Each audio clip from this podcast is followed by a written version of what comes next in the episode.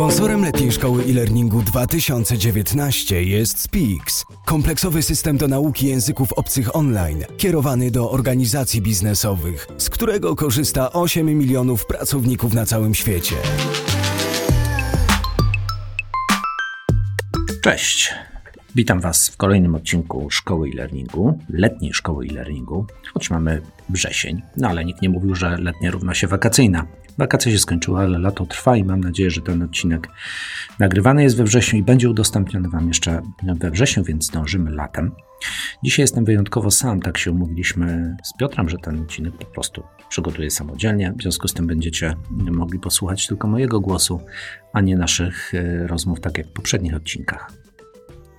Przygotowałem ten temat e, w taki bardzo praktyczny sposób, przynajmniej tak się starałem. Chodzi mi o to, żeby pokazać Wam, jak my sobie radzimy z rozumieniem e, biznesu w praktyce, a nie koniecznie zanudzać Was tutaj e, teorią zarządzania czy działania korporacji. Ale dlaczego ten temat jest ważny? Myślę, że są takie trzy powody, dla których warto się tym zająć. Pierwszy, dlatego, że to nie jest taka kluczowa kompetencja projektantów szkoleń learningowych. My się specjalizujemy w technologiach, specjalizujemy się w metodykach, ale niekoniecznie mamy wykształcenie ekonomiczne, niekoniecznie mamy doświadczenie korporacyjne. Wielu z nas nie pracowało nigdy w korporacjach i ten temat jest no, dość daleko od takich kluczowych kompetencji e, ludzi, którzy pracują nad szkoleniami learningowymi, a jest z kolei bardzo ważny. Dlaczego jest ważny? Bo no, są dwa powody. Po pierwsze, rozumienie biznesu ma bardzo duży wpływ na projektowanie szkolenia na to, co jest efektem końcowym, jak to szkolenie wygląda i czy ono faktycznie jest spójne z celami firmy i rozwiązuje problem e, szkoleniowy. No a po drugie, bardzo przydaje się w komunikacji z klientem i to bez względu na to, czy jesteśmy dostawcą zewnętrznym i pracujemy z, dla jakiejś korporacji, e, czy też jesteście zespołem wewnętrznym, bo ten zespół wewnętrzny też musi się komunikować z różnymi kolegami, partnerami wewnątrz swojej organizacji. I mówiąc o rozumieniu biznesu, nie mam na myśli tylko firm, które działają komercyjnie, ale mam na myśli również organizacje, które nie do końca działają komercyjnie, czyli na przykład organizacje rządowe, administracji publicznej, bo to są dość podobne mechanizmy, choć może cele takie strategiczne tych organizacji troszeczkę się różnią.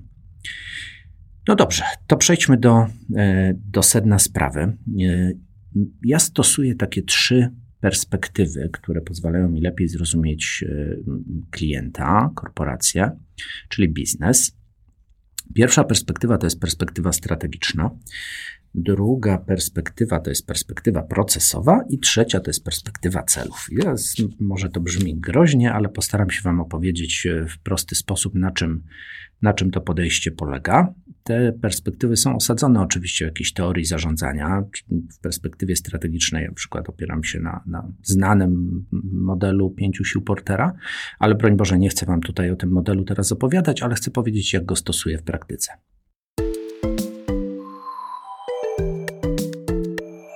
Nie tylko ja to robię, ale staram się, żeby cały nasz zespół lidero również w ten sposób y, pracował. To jest y, istotne dla każdego z nas, żeby rozumiał, co robi, po co to robi dla kogo to robi e, i jak to szkolenie ostatecznie ma wyglądać jaki problem ma rozwiązać. No dobra, to zacznijmy od tej słuchajcie, perspektywy strategicznej. I dla uproszczenia, hmm, wyobraźmy sobie prostą korporację. E, mój ulubiony przykład to jest stragan warzywny na ryneczku. Ponieważ każdy z nas potrafi sobie wyobrazić, jak działa taki stragan, co sprzedaje, kto sprzedaje, jak to funkcjonuje, w jakim otoczeniu to działa. W związku z tym e, ten przykład myślę, że jest e, łatwy do wyobrażenia, a z drugiej strony wcale nie jest tak daleki od tego, jak działają korporacje. Oczywiście korporacje to są bardzo, dużo bardziej skomplikowane organizmy, ale mechanizmy funkcjonowania są takie same zarówno dla dużej korporacji, jak i dla tego straganu e, z warzywami na ryneczku. Więc posłuszmy się przykładem tego, tegoż straganu. No wyobraźcie sobie tak z lotu ptaka taki jeden straganik e, na rynku e, za ladą, czy też za stołem stoi, załóżmy, pani Basia. Stół jest wypełniony różnymi warzywami no i pani Basia, krótko mówiąc, prowadzi biznes. No i teraz sobie wyobraźcie, że do pani Basi podchodzi klientka. No i to jest pierwszy element naszej analizy strategicznej, czyli klienci. Jedna zresztą z pięciu sił e, Portera. No i ta klientka coś kupuje, a za chwilę do tej klientki e, wrócę. Ale od zaplecza, że tak powiem, zjawia się pan Józio, który jest prywatnie mężem pani Basi i właśnie przywiózł nową dostawę świeżych warzyw e, w skrzyneczkach.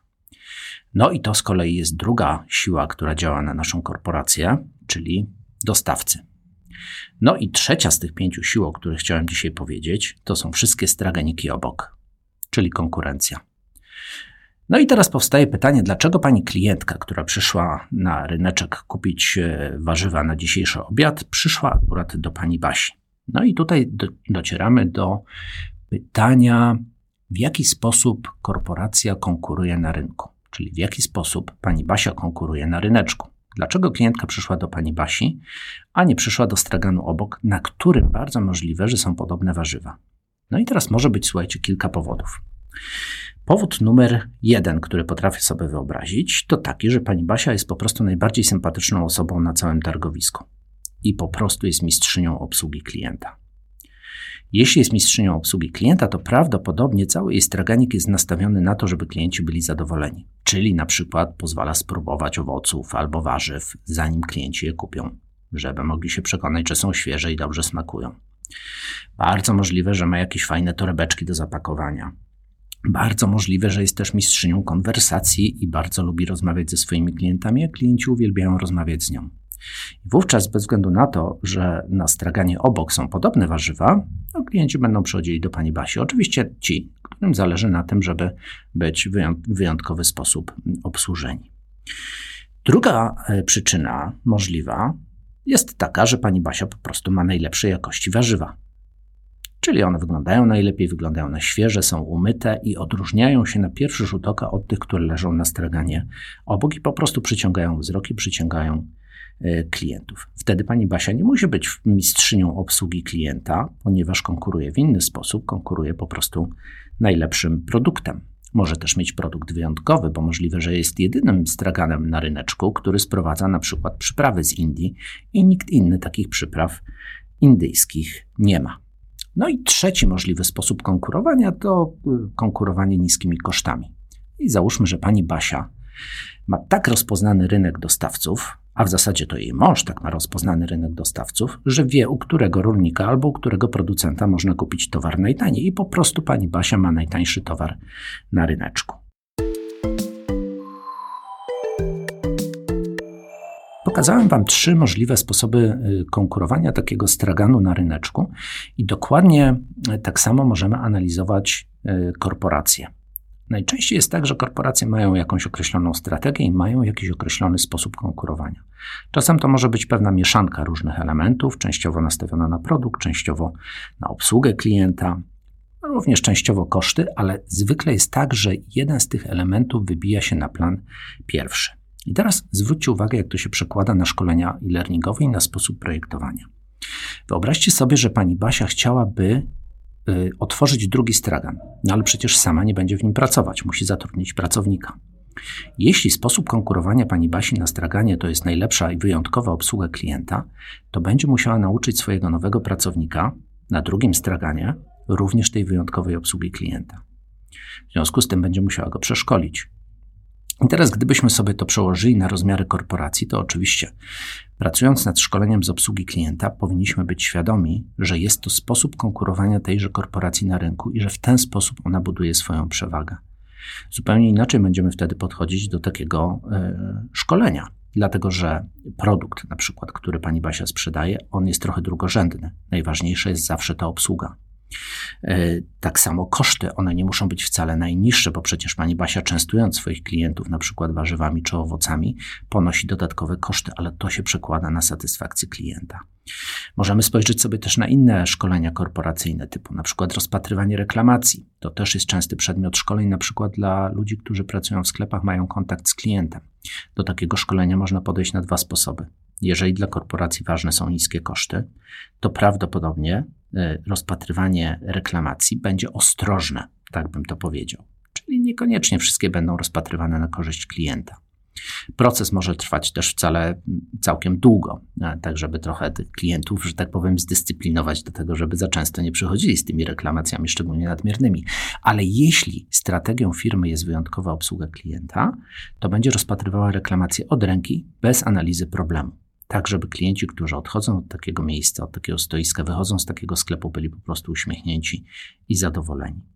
W związku z tym, gdybyśmy chcieli przeszkolić ludzi w korporacji z takiego tematu, to w zależności od tego, jaka jest strategia firmy, będziemy w zupełnie różny sposób podchodzili do takiego szkolenia.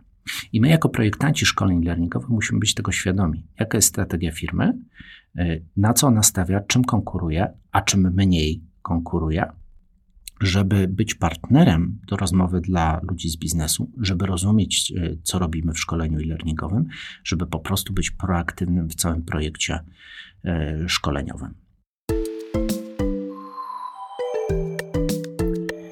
No dobrze, to była pierwsza perspektywa. Teraz druga perspektywa, czyli perspektywa procesowa. Słuchajcie, każdą firmę da się opisać właśnie z takich dwóch perspektyw. Jedna to jest ta strategiczna, czyli takie spojrzenie z lotu ptaka, czym firma konkuruje, a druga to jest ta perspektywa właśnie procesowa, czyli co w firmie się dzieje krok po kroku. Wróćmy sobie na chwilę do naszego straganiku i zwróćcie uwagę, że yy, praca takiego straganu na, na, na, na ryneczku to jest jeden duży proces. Proces zaczyna się od zakupu warzyw od dostawcy, od producenta, którą realizuje mąż pani Basi. Potem następny krok to jest dowiezienie tego na stragan, potem wystawienie, potem cały proces sprzedaży, budowanie grona lojalnych klientów, którzy wracają no i na końcu skasowanie e, kasy za sprzedane e, warzywa. I to jest cały proces który dotyczy straganu. W firmach, w korporacjach zwykle też tak jest, że są takie właśnie duże, kluczowe procesy, ale są też procesy e, wspomagające. Pani Basia też na straganie ma procesy wspomagające, bo prawdopodobnie ma jakąś księgową, która prowadzi jej książkę przychodów i rozchodów. I to jest proces wspomagający, bez którego firma nie mogłaby istnieć, bo musi się rozliczać z podatków, ale on nie prowadzi wprost do tego, żeby uzyskać przychody ze sprzedaży. W korporacjach takich procesów e, wspomagających jest bardzo dużo. To są na przykład właśnie procesy szkoleniowe. One są wspomagające dla e, tych procesów głównych. Ale nie tylko z perspektywy takich procesów głównych możemy spojrzeć na firmę, bo każdy taki proces da się rozbić na mikroprocesy. I teraz zwróćcie uwagę, takim mikroprocesem jest obsługa klienta, który przychodzi do pani Basi na e, ten jej straganik na ryneczku. Co się dzieje krok po kroku, kiedy podchodzi klient bądź klientka do takiego straganu. I tutaj mamy mikroproces składający się z, najczęściej z kilku bądź kilkunastu kroków, kilku, kilkunastu działań bardzo konkretnych, które muszą być przeprowadzone w, najczęściej w określonej kolejności, w określony e, sposób. Tak to wygląda w korporacjach, dlatego że w korporacjach wielu ludzi realizuje te same małe mikroprocesy. Łatwiej jest na straganie, bo robi to tylko pani Basia. Ona nie musi tego sobie nigdzie zapisać, bo ma to wszystko poukładane w głowie. Nie musi nikogo szkolić, no bo jest tylko jedna sama na tym swoim straganiku. Natomiast w korporacji zależy nam na tym, żeby ludzie, którzy w tej korporacji funkcjonują, realizowali te mikroprocesy w określony sposób i w określonej kolejności y, działań. Teraz, jeśli rozbijemy sobie taką naszą korporację, nasz biznes na takie mikroprocesy i zrozumiemy, jakie procesy są główne, jakie są mikro i co ludzie w ramach tych procesów robią, to jesteśmy w stanie przełożyć to na projektowanie szkoleń learningowych. No bo przecież w szkoleniach learningowych chodzi o zmianę zachowań. I właśnie w takim mikroprocesie docieramy do tych konkretnych zachowań, które szkolenie ma zmienić. Taki jest y, nasz cel. W związku z tym warto popatrzeć na e, organizację z perspektywy procesu, zastanowić się, jakie procesy są główne i zejść na poziom mikroprocesu. Tak, żeby zdefiniować prawidłowo problem szkoleniowy do rozwiązania i zastanowić się, jakie zachowania chcemy zmienić, jak zachowania, jakie zachowania chcemy kształtować. I nie tylko co ludzie w e, organizacji mają robić, ale też w jaki sposób mają to w organizacji robić, przy odpowiedzi na to drugie pytanie, w jaki sposób pomaga nam ta perspektywa strategiczna, o którą omówiłem e, wcześniej.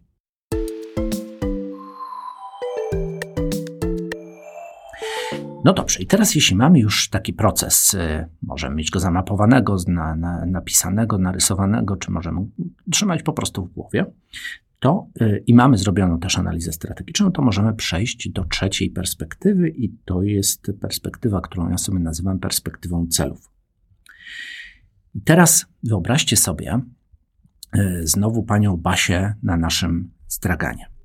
Pani Basia ma następujące y, cele. Cel numer jeden to jest wzrost przychodów. Cel numer dwa, który może mieć pani Basia, to ograniczanie kosztów. I cel numer trzy, który może mieć pani Basia, to jest minimalizacja ryzyka. Ten trzeci to brzmi tak bardziej korporacyjnie, bo jestem pewny, że pani Basia na straganie tego w ten sposób nie, nie nazywa. Ale wyobraźcie sobie, że pani Basia na straganie sprzedałaby zepsute warzywa i ktoś by je zjadł, zatruł się, no i poszłaby plotka w okolicy, na dzielnicy, że warzywa kupione u pani Basi są nieświeże i mogą zaszkodzić. No i po prostu pani Basia straciłaby y, duże grono lojalnych klientów. I to jest ryzyko, na które pani Basia sobie nie może pozwolić. Podobnie jest w korporacjach. One pracują po to, żeby zwiększać swoje przychody, ewentualnie po to, żeby zredukować swoje koszty, co przekłada się w efekcie na wyższe zyski korporacji lub pracują na takim poziomie mikro, czyli właśnie procesów, nad redukcją czy ograniczeniem ryzyka. Przykładem takiego szkolenia typowego, które mm, mm, jest ulokowane w tym obszarze ograniczenia ryzyka, jest na przykład BHP, prawda? Czy wszelkie e, szkolenia e, typu compliance, czyli dotyczące przestrzegania e, procedur.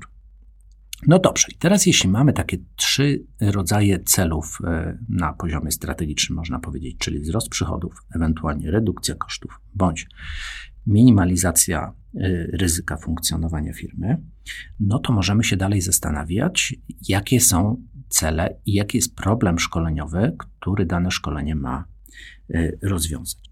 No dobrze, to wróćmy jeszcze raz do pani Basi z jej straganem. Załóżmy, że jej celem jest wzrost przychodów ze sprzedaży. Jak pani Basia może to osiągnąć? No otóż pani Basia postanowiła sobie, że konkuruje wyjątkową obsługą klienta. W związku z tym jest to jej sposób na budowanie i rozszerzanie grupy lojalnych klientów, którzy będą do niej codziennie wracać po świeże warzywa. Czyli pani Basia chce zwiększyć przychody. Jak chce to zrobić? Poprzez zbudowanie grupy lojalnych klientów. Jak chce to osiągnąć? Poprzez wyjątkową obsługę klientów. I jeżeli pani Basi zależy na tym, żeby postawić drugi stragan i zatrudnić tam kolejnego pracownika, to będzie musiała go z tego przeszkolić. O tym już przed chwilką mówiłem.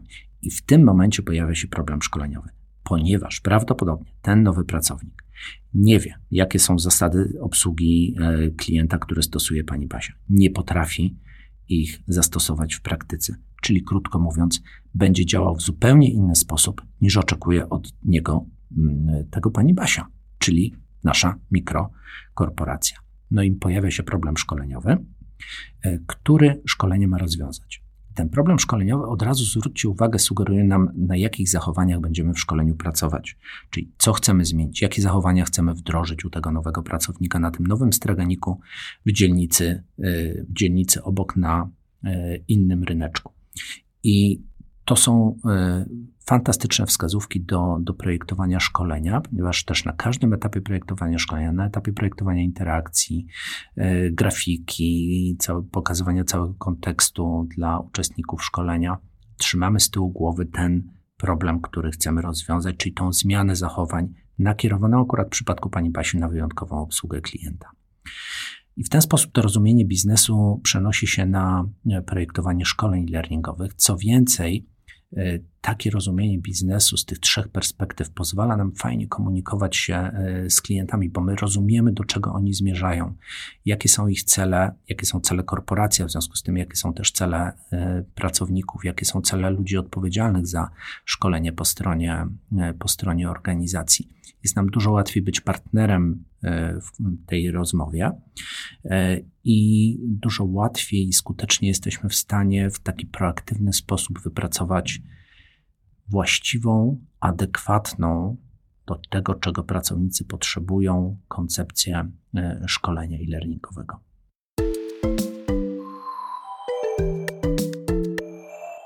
No i to tyle, słuchajcie. Mam nadzieję, że ten przykład z, z traganu na ryneczku e, jest trochę bardziej czytelny niż przykład korporacji. Jeszcze raz chcę powiedzieć, że to jest tylko kwestia skali, bo mechanizmy e, tak naprawdę są bardzo podobne, niezależnie od tego, czy to jest mały stragan, czy, czy wielka e, korporacja. I sposób rozumienia biznesu może być bardzo podobny. I zachęcam Was do tego, żeby się tymi trzema perspektywami posługiwać, czyli jeszcze raz perspektywa strategiczna, czyli w jaki sposób firma e, konkuruje, perspektywa procesowa, która pozwala nam zrozumieć, jak firma działa i co pracownicy robią na konkretnych swoich stanowiskach pracy e, na co dzień, krótko mówiąc, z jakich działań, jakich czynności składa się ich praca i czego w tym zakresie firma od nich oczekuje. No i ostatnia perspektywa to perspektywa celów, czyli do czego nasza korporacja, nasza organizacja y, zmierza, a to prowadzi nas do zdefiniowania problemu szkoleniowego do rozwiązania. A od dobrze zdefiniowanego problemu y, szkoleniowego do dobrego szkolenia jest już tylko kilka małych kroków. I życzę Wam, żebyście fajnie y, i skutecznie analizowali biznesy i te kilka małych kroków również realizowali w skuteczny sposób, żeby po prostu szkolenia, które dostarczamy, zawsze były skuteczne, zmieniały zachowania ludzi i po prostu przynosiły organizacjom oczekiwane rezultaty. Dzięki i do usłyszenia.